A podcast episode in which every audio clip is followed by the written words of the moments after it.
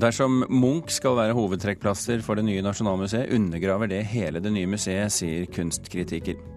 Og I løpet av et drøyt døgn har Facebook-gruppen Soldiers of Are og Odin fått over 22 000 medlemmer. Og så skal vi eh, anmelde den eh, siste boken til José Saramago, som for øvrig kanskje er mer er sannsynlig hans første. Den er 60 år gammel. Du hører på Kulturnytt, som i dag begynner med Michelin-guiden. For i dag er nemlig kjøkkensjefene ved Norges beste restauranter i høyspenn. Klokka ti deles Michelin-stjernene ut for alle de nordiske landene. NRK har fått et eksklusivt intervju med en av Michelin-guidens hemmelige inspektører, Rebecca Burr. Hun lar seg aldri ta bilde av, og vil ikke engang si hvilket land hun er i når hun snakker med pressen. Tenk å ha som jobb å reise fra by til by og spise på verdens aller beste restauranter. Rebecca Burr er Michelin-inspektør, et av verdens mest myteomspunne yrker. Du finner ingen bilder av henne på nett fordi hun aldri møter pressen ansikt til ansikt. Hun vil ikke engang si hvor hun befinner seg når jeg snakker med henne på et telefonnummer som ikke kan spores. Oh, I can't tell you that. You can't tell me. so secretive no, already. I'm not in, no. That's our middle name. Hemmelighetsfull, det er mellomnavnet mitt, sier Michelin-inspektøren. Hun avslører at hun bor i England, men sier hun knapt er hjemom før hun må snu i døra, på vei mot nye restaurantanmeldelser med skjult identitet. Og det er svært mange som har lyst på jobben hennes, men de vet ikke hvor travel den er. They often have a bit of a romantic idea of what the job involves. They think it's just lunch and dinner and, and not too much in between, but it's a very busy role to do. So yes, we do get lots of applications, but um, not so many vacancies. I fjor, da Michelin-guiden lanserte en egen nordisk utgave, var det Rebecca Burr som fikk redaktøransvaret. Det er altså hun som bestemte at verken Bergen, Stavanger eller Trondheim skulle få stjerner. Da det ble kjent, haglet kritikken. Det er jo en god greie for Norden at de da kommer etter med Nordisk Guide, og da bør de virkelig virkelig ta seg bryet med å reise rundt og faktisk eh, å besøke eh, de plassene som er verdt å besøke, for det er ganske mange av de. Det er på håret til en liten skandale, syns jeg. Sa daglig leder ved Gastronomisk institutt i Stavanger, Tommy Rånti. It's funny, you know, I've, spent, been speaking to journalists all over Scandinavia for many years, and you've always been so nice, but we, have had a bit of a rough ride recently, and it's quite, it's quite amazing, really, and a bit sad. En annen kritiker var matskribent Andreas Viestad. I fjor så lanserte de den uh, guiden over de nordiske byene med stor fanfare. I, I, Norge så var det bare Oslo som var besøkt. Og så kan du si En ting som gjelder ekstra for uh, Norge og Norden, er jo det at uh, det er veldig lett å oppdage dem. Så når en Michelin-inspektør er i byen, så vet hele restaurantmiljøet det. Da kan du gjøre ditt for å sørge for at de får den aller beste restaurantopplevelsen de kan ha. Om det er flere norske byer som blir tatt inn i årets guide, vil ikke Rebecca Burr avsløre før pressekonferansen klokka ti senere i dag. Og når det gjelder å holde seg anonym, sier hun at Michelin opererer med to ulike typer inspeksjoner. En hver 18. måned, der alle stjernerestaurantene får et varslet besøk. Og så er det de uannonserte og anonyme kontrollene i tillegg. Og hun er fullt klar over at mange restauranter vet at inspektørene kommer, men det er det egentlig ikke så mye å få gjort noe med. But, you know, there are lots of people that travel around and, um, you know, hopefully we can blend in. Reporter her, det var eh, Petter Sommer. Anja Seberg eh, Lyon, eh, sjefredaktør i matmagasinet Nord, velkommen til Kulturnytt. Tusen takk. Hadde du noen gang klart å se hvem som er Michelin-inspektør? Det har jeg ikke så stor formening om. Eh, jeg tror eh, det er flere her i studio som kan fortelle det bedre enn meg. Even eh, Ramsvik snakker vi om da, kjøkkensjef ved den nå nedlagte restauranten Ylajali i Oslo, som hadde én Michelin-stjerne. Mm. Visste dere når dere fikk besøk? Eh, nei, egentlig ikke. Eh, av og til så florerte det litt rykter hvis det var en, en ener, i hvert fall tidligere år som kanskje hadde samme telefonnummer, men forskjellige navn og sånn. Så man alle, alle, står jo litt sånn på tå, de er litt sånn småparanoide når det gjelder liksom eh, enere, eller liksom når det er én paks. men eh, de siste åra har vi hatt så mye bloggere og så mye foodies og folk som kommer og reiser og faktisk spiser alene, da. Eh, at det, det blir vanskeligere. vanskeligere og vanskeligere.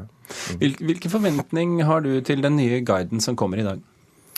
Eh, forventning eh, jeg har vel mine forventninger som nå kan holde for meg sjøl òg, men jeg har jo mine håp, i hvert fall. Mm. Eh, og jeg håper i hvert fall at eh, minimum én norsk by til er, er lagt til. På denne guiden, det fikk vi vite i går, så er det bilde av Bergen på utsiden. Har det noe å si, tror du? Vel, det vært litt spesielt hvis ikke. Hva tror du, Lyon? Blir det en restaurant i Bergen, og i så fall hvilken? Jeg er jo evig optimist, og jeg er jo veldig opptatt av at det er håndverket først og fremst som skal eh, bedømme om en restaurant får eh, stjerne. Og at Lysverket i Bergen med Kristoffer Håtuft i spissen for, burde få en stjerne basert på dette her, det er helt klart. Men håndverket i motsetning til hva da? Nei, altså I motsetning til stive snipper og duker som er strøket på begge sider og nypusset sølvtøy. altså Det er det som er veldig manges oppfatning, tror jeg, av Michelin-restauranter. Og jeg synes det vært veldig fint hvis Norge kunne innse at det er håndverk og fantastiske råvarer og den touchen ekstra som gjør den bestemte kokken til en så stor kunstner at han eller hun fortjener en stjerne. Var det håndverket, eller var det de hvite dukene på Ylajali som ga dere Michelin-stjerne, Ramsøy? Nei, det er nok eh, Som de sier, så går det etter maten, da. Eh, at det er hel, helheten og måltidet, maten eh, du leverer, som, som er nummer én. Men det er jo klart at det, omgivelser og eh, atmosfære. Eh, alt spiller jo på en måte inn når man skaper et helhetslig måltid. Men Ransik, du har jo, du har jo lagt ned eh, Ilayali, som var en stor suksess, da, nærmest da det var på høyden, for å gjøre andre morsomme ting. Dagens Næringsliv har jo skrevet flere artikler nå i det siste om kvalifiserte restauratører som ikke gidder å strebe etter stjernen mer. Det er nesten tåpelig å spørre, men, men skjønner du det? Eh, jeg kan i hvert fall skjønne at det er, det er jo et, et, en røff situasjon å være i. Det er, jo, det er jo klart. På hvilken måte? Eh, nei, altså presset for å levere og presset for å, å, å, å kjøre på der, det, det er ganske, ganske, unikt. Men eh, jeg vil jo egentlig si at det, det gjelder på en måte på alle restauranter også, da. Men når du har den der hengende, så er du jo ekstremt eksponert. Eh, som kanskje kan føre til eh, litt ekstra press for noen, og det er ikke alle som, eh, som takler. Hva tror du, eh, Lyon? Forstår du hvorfor, hvorfor etablerte, store stjernerestauratører gir seg? Absolutt. Det er, men det kommer helt an på hvem, hvem, de er som type, tror jeg også, og hvordan de liker å jobbe, og hvordan de liker å ha sitt fokus. Og så er det mange, tror jeg også, som ikke nødvendigvis i Norge, men rundt omkring som kanskje ikke ønsker seg den stjernen egentlig i det hele tatt. Som ønsker å få til å jobbe i fred, som får lov til å være ja, den kunstneren som jeg nevnte i sted, som de er. Eh, jobbe med fantastiske team og råvarer og sånne ting, og få lov til å gjøre det litt i fred med sitt publikum. Du nevnte jo Ramsvik så vidt eh, i stad dette med eh, stadig nye besøk fra nye eh, blogger, fra nye nettsteder, nye organisasjoner. Har mm. Michelin nå fått sterkere konkurranse de siste årene? Ja, Det har i hvert fall dukka opp flere, jevnt med at eh, fokuset på mat, mattradisjon, matkultur, i hvert fall i våre regioner, har blitt, har blitt større. Så har vi også blitt eh, mer besøkt. Eh, som kanskje var tilfellet for andre land i større grad tidligere. Eh, så den konkurransen tror jeg nok har vært der ganske lenge, eh, med unntak av kanskje noen matbloggere. Men, men er, er, det noe av det som gjør at det ikke er så viktig lenger å ha denne Michelin-bemerkelsen? Kanskje. Jeg vet ikke om det har blitt konkludert for noen at det ikke er så viktig med en Michelin-stjerne heller. Jeg tror nok det er en del andre faktorer og en del oppmerksomhet rundt det å ha og det å levere kvalitet og en fokus på hverdagen, som gjør at de fleste tar de valgene av forskjellige årsaker. Hva tror du, Lyon, er det, er det, er det konkurranse, økt konkurranse Michelin opplever? Eh, ja, ja, blant annet fra White Guide, eh, som har sin nordiske guide også, som er en slags tilsvarende. Så har de nok merket konkurransen. Men eh, de henger jo veldig høyt. Michelin-stjernene henger fryktelig høyt og er veldig respektert. Anerkjent. Folk vil gjerne ha spist på en Michelin-restaurant. Mange vil i hvert fall gjerne det. Og, eh, men jeg tror absolutt at de merker at bloggerne er der ute. At det, skrives voldsomt mye om mat.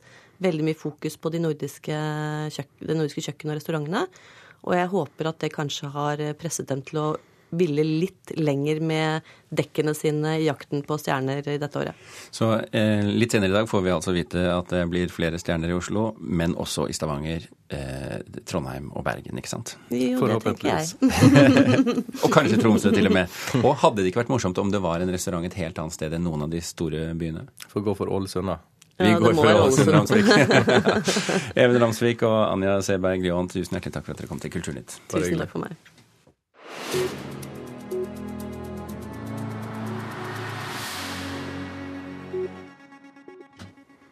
En av Medie-Norges mektigste menn vil samle landets mediehus under én paraply. Det skriver Aftenposten i dag, og slår også opp saken på forsiden.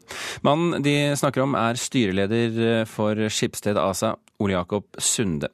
Sammenslåingen er hans visjon for at norsk journalistikk skal overleve. Det fortalte han da jeg snakket med ham for noen minutter siden. Det er et samarbeid som eh, kan ta flere former, og eh, dette er jo en tidlig fase. Men allikevel så kan jeg peke på at man kan samarbeide om produksjon og eh, distribusjon av innhold.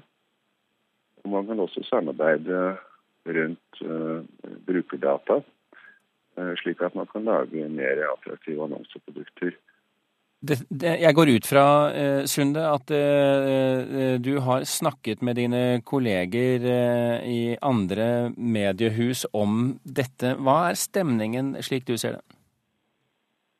Foreløpig er det en tydelig fase, slik at uh, dette er mer en, en, visjon fra min side om hvordan jeg mener at uh, utviklingen bør være, og et forslag til hvordan man kan da stille seg. Tradisjonelt har det jo vært slik at norske mediehus har konkurrert mot hverandre. Det skal man jo fortsette å gjøre. Men jeg tror at det finnes en mulighet for at man kan både samarbeide og konkurrere. Eh, og Det er den muligheten som jeg påpeker i uh, avisen i dag. Jeg ser i Aftenposten i dag at medieprofessor Jostein Gripsrud ved Universitetet i Bergen uh, ytrer en skepsis til økt utveksling av stoff, fordi han mener at, at norske medier blir mer ensrettet og like hverandre. Ser du også det problemet? Jeg tror at det er fullt mulig å samarbeide om stoff og samtidig opprettholde en individuell eh, redaksjonell linje. Eh, det som eh, professor Gipsrud kanskje ikke kommer inn på, det er jo hvordan økonomien ser ut. Og slik som det ser ut fra mitt ståsted, så er det jo litt snakk om pest eller kolera. Med andre ord, man må ha økonomisk fundament i fremtiden for å kunne produsere innhold i det hele tatt. Eh, og så er det da spørsmål om hvordan man best skal kunne få til det. Det er den muligheten jeg påpeker. Ja, Det sa Ole Jakob Sunde i Skipsted ASA. Reporter Daniel Eriksen, hvilke andre reaksjoner har kommet på dette utspillet? Det er jo fortsatt veldig tidlig. Det kommer jo i Aftenposten i dag morges. Men de har jo gjort jobben sin og snakka med bl.a. Eh, Mediebyråenes Landsforening og, og um, av media, som begge er vagt positive. Men det er jo ikke noen som kan si noe konkret om det ennå. Eh, NRK er også trukket inn i det da ved distriktsredaktør Grete Gynnel Johnsen, og ikke kringkastingssjefen. Eh, og NRK sier ja til mer samarbeid, men eh, som man sier, er det fortsatt en visjon, så å forholde seg til noe håndfast er det nok ikke noen som har gjort det ennå. Er det noe håndfast her da, fra Sunde? Ja, det er jo det. da. Han, han har gått ut med en veldig sånn grei trepunktsliste på det han vil. Han vil for det første at eh, norske medier skal utforske muligheter for å samarbeide eh, om produksjon og distribusjon av innhold. Så vil han at mediehusene skal dele brukerdata med hverandre, så de vil vite hva de vet om hverandres brukere. Mm. Og det viktigste punktet er at dette her skal skje under eh, Det skal følge norske regler for skatt og personvern. Det mm. var også veldig viktig. det, er, det er jo også en jobb å gjøre i og for seg. Men eh, Det er kanskje vanskelig å svare på, Daniel, men er dette reelt? Det, han, han gjentar jo flere ganger at det fortsatt er en eh, visjon. Det er noe han tenker eh, om, om litt omtrentlig om. Men, men Sunne er allerede i gang med å sammenkoble med Skipsteds egne mediehus og markedsplasser. Så da Aftenposten, VG, BT, Federlandsvenn med, med finn.no. Så det er i gang allerede. Men du, San Marino.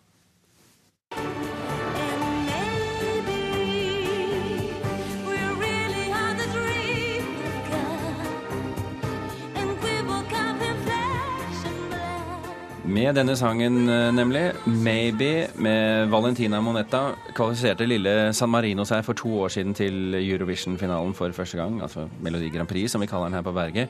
Men nå er de misfornøyde med de nye stemmereglene i sangkonkurransen, Daniel. Er det lillebror-syndromet som er i gang?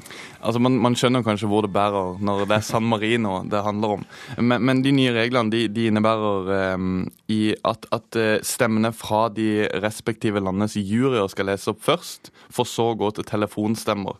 Men hvis man ikke har nok stemmer, eller noen stemmer i det hele tatt på telefon, så vil man heller bli gitt en poengsum som er et gjennomsnitt av de andre lag, eh, landets stemmer.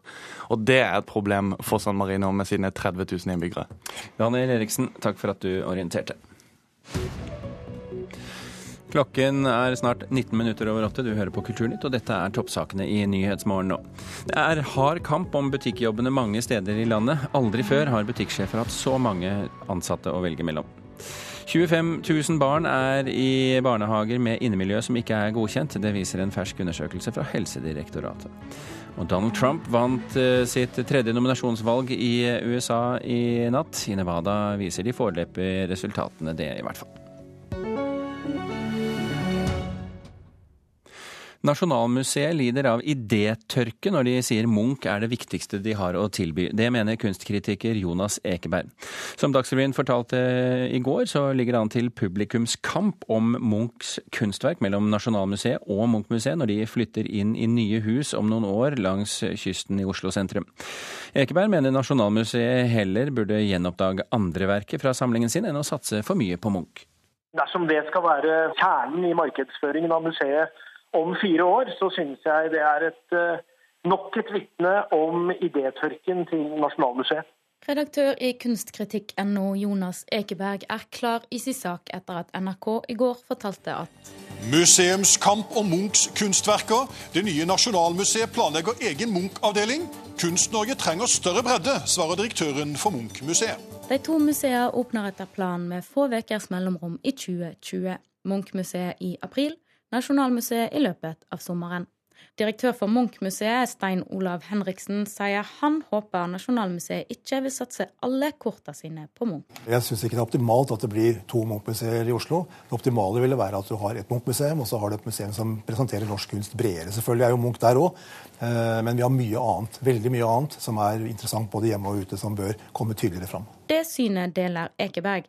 Han mener at om ikke Nasjonalmuseet kan komme på noe annet enn Munch å sette på plakaten, har de ikke leita lenge nok. Men hvis det er hovedsatsingen, så undergraver de hele beslutningen om at det skal bygges et nytt eh, museum. For det er klart at det man ønsker seg, er jo at dette museet skal gjenoppdage seg selv. Gjenoppdage noe stort. Vise at de har i de fem årene eller ti årene vi har hatt på å planlegge det nye museet, at vi har hatt evnen til å oppdage nye trekk ved sine egne samlinger, og nye trekk ikke minst ved samtidskunsten. Men museumsdirektør Audun Eckhoff mener kritikken er feil. Man kommer jo ikke utenom Munch. og I og med at vi har eh, noen av de mest sentrale Munch-arbeidene eh, og kan vise dem i det nye museet, så er det et viktig, eh, viktig moment. Han sier museet har mye i magasiner som vil bli mer synlig i de nye lokalene. Og Det er jo også noe vi bygger opp kontinuerlig. Når vi får det nye museet på plass på Vestbanen, så vil det jo komme veldig mange skatter til syne som eh, ikke alle kjenner til. Og Da eh, er det ikke snakk om noe idétørke, men tvert imot et idémangfold, tenker jeg. Og Reporter i denne saken, det var Maria Pile Svåsand. I løpet av et drøyt døgn har Facebook-gruppen Soldiers of Are og Odin fått over 22 000 medlemmer. Are og Odin husker du kanskje som radioduoen som regjerte på NRK P3 på begynnelsen av 2000-tallet, og som også har vært programledere flere, i flere TV-serier. Facebook-gruppen er opprettet som en motreaksjon til borgervernsgruppen Soldiers of Odin. Sosiale medier-ekspert Hans Petter Nygaard Hansen tror ikke at gruppa vil kunne ha noen effekt, men det er grunnleggeren uenig i. Ideen fikk han etter å ha sett humorprogrammet Ukas vinner på NRK. De bruker fritiden sin på å holde orden i det norske gatebildet. Og til tross for skepsis fra både politi og vanlige folk, så patruljerte de for første gang i Tønsberg nå på søndag, og markerte starten på det gruppa selv omtaler som en privat natteravntjeneste. Eh, hvordan syns dere Soldiers of Odin markerer seg i nyhetsbildet? En ting jeg tenker på når det gjelder Soldiers of Odin, eh, er at det fins én ting som hadde vært verre. Mm. Soldiers of Are Odin. Det var denne uttalelsen i humorprogrammet Ukas vinner på NRK som fikk trønder Jostein Moen til å ta komikerne på alvor og lage Facebook-gruppen Soldiers of Are og Odin. Gruppa, som nå har flere tusen medlemmer, ønsker å være en motreaksjon mot den mye omtalte borgerverngruppen Soldiers of Odin, som den siste tiden har patruljert gatene i flere norske byer ikledd svarte hettegensere med vikinghjelm og norsk flagg på ryggen. Jeg har jo trua på samfunnsengasjement og godt humør. Det er en kombinasjon som jeg har veldig sansen for. og uh, Jeg tror på at uh, det er en måte å både møte dette ganske ekstreme prosjektet Soldiers of Odin på, pluss at det er med å spre godt humør og gode vibber blant uh, folk som ønsker toleranse og mangfold i Norge. Are og Odin er et radioprogram som går på NRK P1 med komikerne Are Sende Osen og Klaus Sonstad. Osen håper Facebook-gruppen Soldiers of Are og Odin kan bli enda større. Jeg syns det er en kjempegod idé, og jeg håper at den blir større enn den andre gruppa med The Soldiers of si, bare Odin. Men denne gruppen kommer ikke til å ha noen effekt, sier kommunikasjonsrådgiver og ekspert på sosiale medier Hans Petter Nygaard Hansen. Så det er såpass lavt, lav terskel for å like en motvekt. De kan helt sikkert klare å få en del likes, men eh, om det da liksom reelt sett blir en motvekt til Soldiers of Odin, det, det tror jeg dessverre ikke. Fordi det er som sagt veldig lav terskel å bare like en, en, motvekt, men derifra til å faktisk da gå ut i gaten og aktivt demonstrere eh, sin motstand mot eh, Soldiers of Odin, det er en helt annen greie er klart at Denne Facebook-gruppa ble jo ikke lagd i illusjonen om at dette forandrer Norge på lang sikt. Det sier grunnlegger av gruppen, Jostein Moen. Denne typen eh, mobilisering har en effekt i den forstand at det betyr mye for dem som er med akkurat der og da. Han mener Facebook-gruppen er et symptom på at mange er motstandere av politisk borgervern i Norge. Det er en viktig effekt, for det mobiliserer gode krefter som ønsker toleranse og mangfold. Og reporter i denne saken, det var Erin Venås Sivertsen.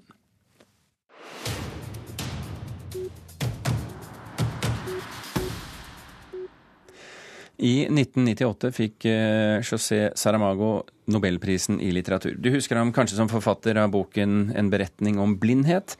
Nå har man kommet over et glemt eh, Saramago-manuskript og fått det utgitt, også på norsk. Og litteraturkritiker Anne Katrine Streime, hva slags manus snakker vi om her? Er, på mange måter så er det en gjenkjennelig Saramago-bok, fordi at det er et sånt sosialt sinnelag der.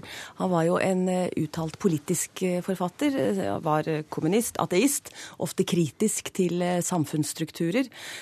Men det er ikke gjenkjennelig i den forstand at vi kjenner igjen formen hans. Altså Etter hvert så ble han Han hadde lange setninger, han brukte ikke så mye tegnsetning, ikke store bokstaver. Han hadde litt sånn snirklete språk. Det er det ingenting av i dette her som noen vil betegne som et ungdomsverk, men han var jo tross alt alt over 30 år da denne boken ble skrevet. Men her er vi liksom inne på stikkordet, for det er jo et 60 år gammelt manus. Ja. Og, og det har en historie? Ja, eh, det ble faktisk liggende 30 år i forlaget før det ble oppdaget igjen. Og da bestemte Saramago seg for at nei, hadde ikke forlaget giddet å ta tak i det før, så skulle det ikke utgis før etter hans død. Mm. Så det kom altså ut i 2011 i Portugal, og først nå, da, i år på norsk. Det er en kollektivroman. Det handler om Det er en leiegård i eh, Lisboa på 1950-tallet, da, hvor de fleste lever i en ganske uttalt fattigdom. Eh, og det som er morsomt i denne boken, altså du kjenner også igjen denne humoren som Saramago hadde i hele sitt forfatterskap ekteskap.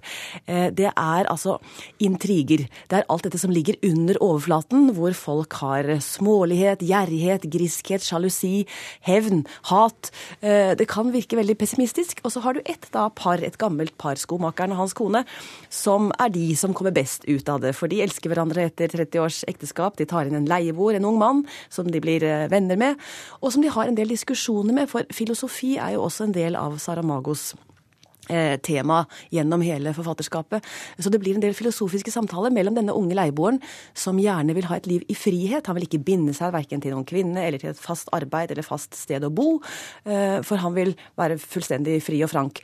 Mens Silvestre, som er denne gamle skomakeren, da sier at nei, meningen med livet, skal du bli lykkelig, så må du faktisk eh, forplikte deg. Du må ta et ansvar overfor andre mennesker.